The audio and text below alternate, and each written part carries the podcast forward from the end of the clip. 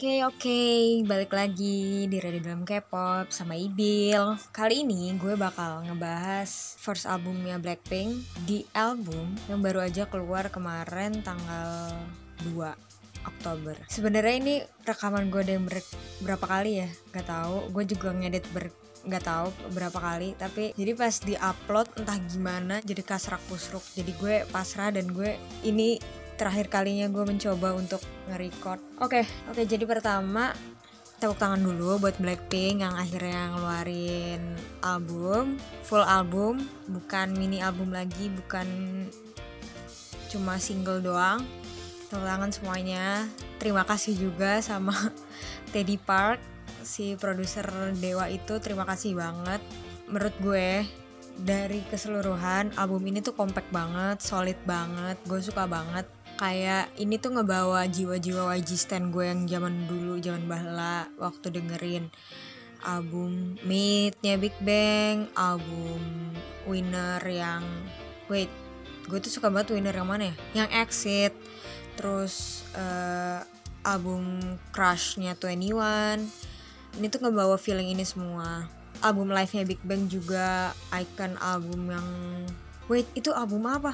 Anjir gue lupa namanya pokoknya yang icon yang ada beautiful di, di tracknya gue lupa banget namanya Astagfirullahaladzim uh, terima kasih banget sama Teddy terus sama anak-anak Blackpinknya juga. Kayak mereka tuh selalu nge-push nge-push buat dapetin first album akhirnya perjuangan mereka ya. Dan tidak lupa tepuk tangan sama Blink yang udah berisikin YG terus. Berisikin gak tuh? Tapi ya wajar sih harus diberisikin kadang-kadang cuma jangan berlebihan. Oke pertama how you like that ice cream. I'm not gonna review that karena gue nggak begitu suka. Jadi gue jujur aja gue kurang begitu suka how you like that karena biasa itu terlalu banyak drop terlalu uh, gimana ya lagu yang melodinya kurang untuk dinyanyiin jadi gue kurang suka. Itu kayak cuma lagu style style ikonnya Blackpink aja sih kayak macam even dudu dudu or kill this love gue masih suka. Karena di situ kayak masih nggak tahu kenapa. Maaf ya jadi gue kayak nggak tahu kenapa gue kurang suka aja sama how you like that. Apa karena mood gue lagi jelek waktu dengerin itu gue nggak tahu gue kurang suka.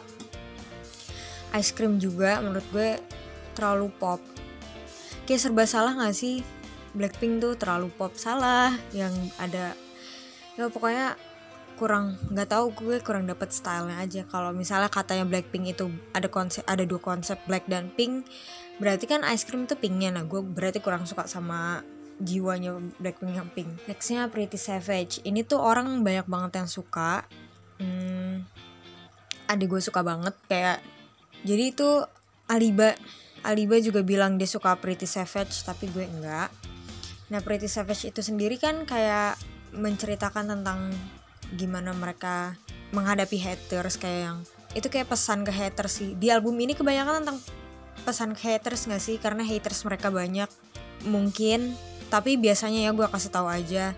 Suatu grup itu banyak haters biasanya kepancing juga sama fans-fansnya. Jadi kecuali kayak gue ya kayak misalnya maaf kayak Big Bang mungkin banyak haters karena banyak kasus. Dan apa sih pembenaran kasus atau kayak pembahasan kasusnya ini tuh karena udah terlalu lo udah terlalu kesel orang-orang banyak kesel jadi kayak tidak mengikuti itu sampai akhir. Jadi kayak yang ya cuman kan kalau kayak Blackpink masih bersih bersih aja maksudnya mereka baik-baik. Nah kenapa banyak dibenci? Maybe just maybe karena fansnya juga kadang mancing gitu. Nah Pretty Savage ini gue kurang suka gue nggak tahu kenapa tapi enak tapi gue kurang suka jadi dia tuh tidak mencakupi hat, isi hati gue gitu loh Pretty Savage ini. Terus kayak kurang relate ke gue nggak ngerti juga sih kurang relate gimana. Cuma gue rada lucu aja sih sama Pretty Savage ini di liriknya kan ada yang skinny bitches skinny bitches gitu gak sih? Terus kayak gue penasaran aja di antara Teddy, Lauren, Vince sama Chung mereka kan penulis liriknya nih siapa di antara mereka yang ngasih ide itu ada kata-kata skinny bitches.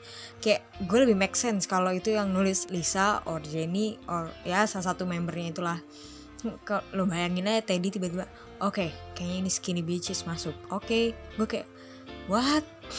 Gue nggak bisa ngebayangin aja nggak tau kenapa mungkin gue receh tapi itu lucu aja menurut gue nextnya tuh Betchuana jadi di review gue sebelumnya waktu si title track dan poster ini keluar kan gue sempet nge-review dikit. Nah ini yang ngebuat gue tertarik. Kayaknya gue kayak gue bener-bener tertarik kan selain gitu ada nama Ryan Tedder pula di situ. Jadi gue kayak oh MG pasti ini bagus. Kayak nggak ngerti kenapa sih menurut gue kayak udah terjamin aja itu bakal bagus. Terus bener bagus. Dan gue suka suka banget. Terus ada Mami Cardi kan di situ jadi gue suka aja. Nggak tahu kenapa. Kayak padahal orang-orang tuh kayak eh Pretty Savage yang gimana gimana gitu. Gue nggak gue lebih suka Bechuana. Kayak Bechuana ini begitu awal intro masuk ke kuping gue gue langsung oke okay, ini next ada di playlist bulan Oktober gue kayak kayak gitu loh. Kayak sangat menarik banget. Terus kayak gak tau kenapa ya apa karena gue udah terhipnotis duluan sama Ryan Tedder. Jadi gue tuh review gue yang sebelumnya juga gue udah ngomongin Ryan Tedder mulu kan. Ryan Tedder tuh ya sebagus itu sebagai produser, co-producer, writer, co-writer gue emang ngefans sama dia dari dulu. Ada bagi biasnya gue ke dia cuma kayaknya emang lagu ini enak deh. Banyak yang suka juga kan tapi ini emang enak. Terus di sini tuh kayak Rose Jenny vokalnya tuh top notch banget. Nggak tahu deh kenapa. Terus nextnya itu ada Love Sick Girls. Love Sick Girls ini title track yang menurut gue berhasil. Pas ini keluar kan uh, cuma kayak gitarnya doang. Khas banget. Uh, gitar progressionnya ini gak sih David Guetta? Tapi gue kepikirannya malah lagunya Avicii.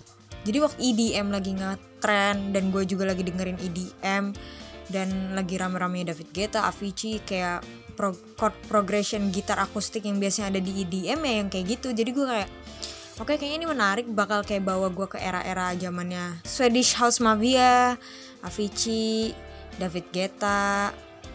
Terus di Love Sick Girls ini juga kayak gue dapet vibe-nya dari Avril Lavigne gak tau dari mana atau mungkin karena gue lagi halu. Hmm, Rose di sini tuh kayak lo inget albumnya Z yang Clarity nggak sih? Clarity apa apa sih judul albumnya tuh gue lupa. Uh, Jisoo Jisoo juga pernah cover lagu Clarity itu. Nah si album Z yang itu tuh satu album itu yang ada Spectrum yang ada Hourglass itu yang dewa banget album Z yang dewa menurut gue paling dewa sampai sekarang favorit banget. Itu tuh ada di sini. Jadi kayak emang Love Sick Girls tuh menurut gue cocok jadi title track. Cocok jadi playlist gue masuk ke playlist gue gue suka banget. Kayak emang dia rada EDM tapi melodinya main banget. Nah gue juga selesai dengerin gue jadi wonder kalau misalnya itu yang ngeproduserin bukan David Guetta tapi Z terus dibawa kayak ah dibawa kayak break free-nya Ariana Grande. Lu pada bayangin gak sih? Blackpink collab produsernya Teddy sama Z terus dibawa image-nya kayak Ariana Grande yang break free. Kayaknya enak deh kayaknya bagus deh. Tapi terlalu pink bukan black. Dan gue biasa suka Black. Nandi Love Sick Girls ini menurut gue Black sama Pinknya seimbang. Jadi gue suka gue suka banget sama Rose apalagi di part-part akhir. Cuma kekurangan Love Sick Girls ini dari kesempurnaan ya kekurangan cuma satu MV-nya gue suka sama tone MV-nya gue suka cuma gue gak suka gimana caranya uh, editornya. Gue gak nyalain editornya sih kan editor setiap editor itu punya punya style masing-masing ya. Kalian merhatiin gak sih cutnya tuh cepet banget. Jadi kayak adegannya tuh terlalu cepet apa cuma mata gue yang siwer. Jadi kayak cepet aja gitu jadi gue nggak dapet gimana ya gue nggak puas aja gitu liatnya. Sebenarnya gue juga gue dari awal udah gak nyaman. Jadi gue ngomong cutnya kecepatan ini berdasarkan jadi ada video editor video editor music video dia udah biasa nanganin post Malone segala macem. Ada dia bikin konten reaction di YouTube dan ngebahas soal MV-nya Blackpink.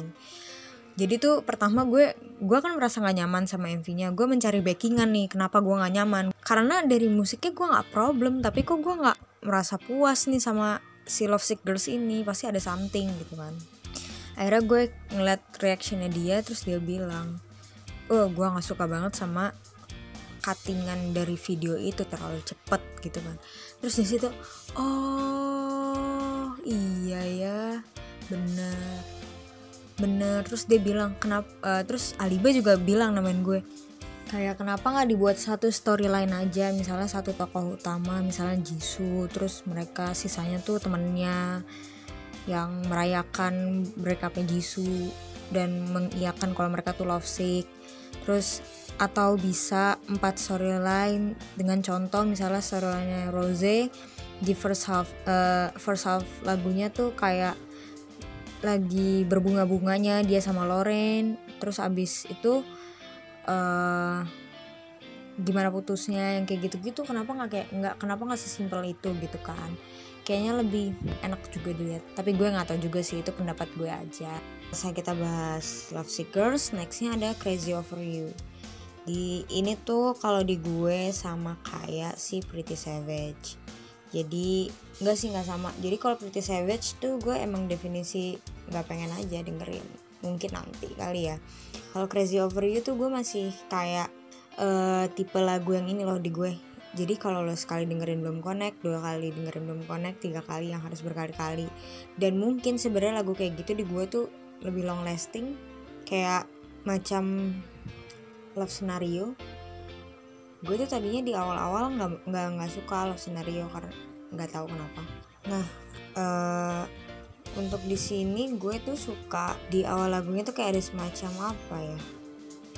Semacam gue nggak tahu itu punya apa yang teng terang teng teng teng teng yang gitu. Gue suka sih catchy juga di awal si Jenny juga ya liriknya liriknya makanya sama maksud gue temanya tuh sama kayaknya satu album kecuali Love Seekers gak sih? Eh sama Ice Cream juga beda. Nah tapi untuk ini gue nggak bisa kasih apa komentar lebih karena jujur aja sampai sekarang mungkin gue baru hmm, dengerin yang sebanyak Bechiwana karena gue nggak tahu kurang ini aja kurang nggak ngerti lah. Gue tuh tipe orang yang kalau misalnya album ini keluar gue dengerin sekali dua kali tiga kali. Terus lagu yang gue suka gue dengerin lagi. Terus nanti kapan lagi begitu mereka mau comeback atau lagi ada misalnya ada acara segede Coachella atau mau ada live stage di mana itu gue baru dengerin lagi gitu. Dan biasanya gue di situ baru oh ternyata lagu ini enak gitu. Nah selanjutnya setelah Crazy Over You itu ada Love to Hate Me nah di sini gue suka banget. Jadi gue tuh uh, suka sama bunyi bass entah bass yang bass bass dari alat yang buat nge-create bass apa EDM yang pencetan itu gue nggak tau lah namanya apa. Ada juga bass yang literally bass bass bass bass yang kayak gitar yang itu. Gue pokoknya segala jenis bass yang namanya bass gue demen bass getot pun suara gue demen kan. Nah di sini tuh nah selain si bass bass itu gue juga suka di sini bagian bagian rose kayak orang-orang tuh pada nggak tahu kenapa pada punya sing kayaknya sama Lisa ngomong stupid di sini kan. Kalo gue biasa aja sih tetap gue di sini masih suka Rose dan Jenny nggak tahu ya mungkin ini rada jahat sih pendapat gue. Ini sotonya gue aja ini pendapat gue aja. Jangan lo sabdain jangan lo quotes terus masukin twitter dan viral atau gimana. Menurut gue tuh dia performer yang baik. Performer yang sangat baik.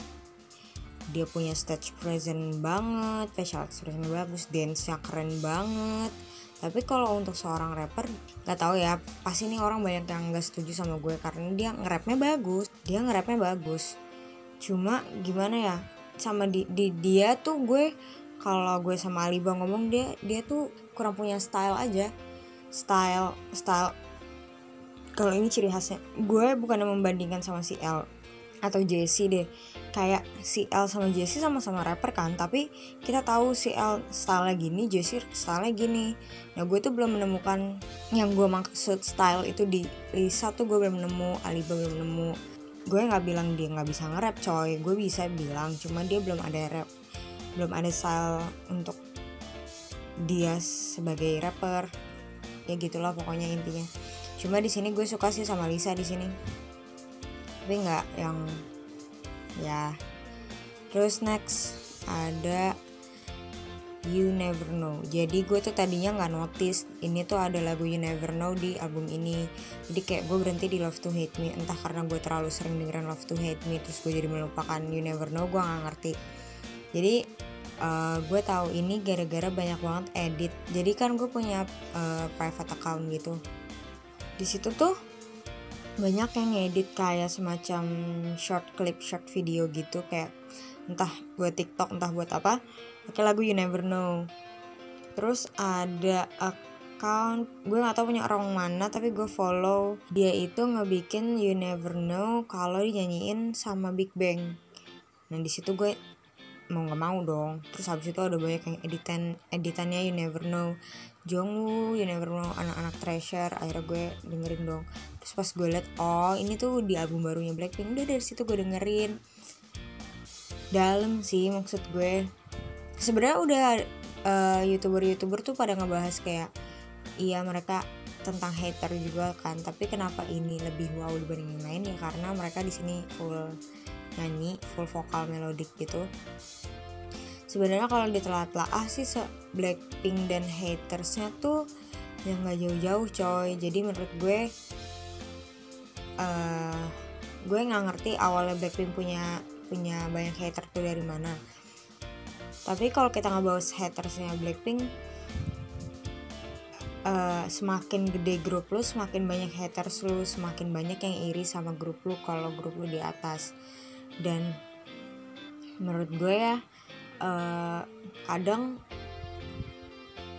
jadi semakin ke sini tuh K-pop fandom tuh semakin gak aman gitu gak sih kayak banyak yang baru masuk tapi abis itu sotoy nggak ngerti apa-apa tidak mengedukasi dirinya dia sendiri sebenarnya gimana.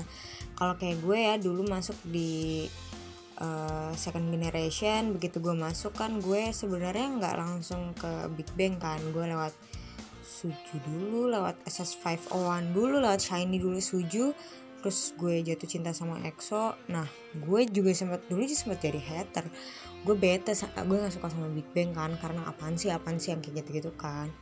Terus teman gue pernah ngomong lo jangan kayak gitu. Lo lihat dulu lo kenal dulu sama orangnya. Oh, bukan orang yang maksudnya kenal. Lo cari tahu dulu dia itu lagunya gimana kenapa kenapa lo benci dia tapi orang-orang banyak yang suka sama dia cari tahu itu dulu. Akhirnya ya udah gue suka sama Big Bang sama sekarang. Begitu pula dengan yang 21 kayak gue nggak suka banget sama personanya si L. Dulu gue kira dia songong yang gimana gimana pas ya berjalan jadi kayak gini. Nah tapi gue juga punya pengalaman. Grup yang tadinya gue stand banget gue ngikutin dia dari reality show YouTube pertamanya dia. Dari awal dia debut. Gue nonton dari nggak reality show sih. Jadi kayak video klip video klip mereka kayak hangout yang pendek-pendek di YouTube.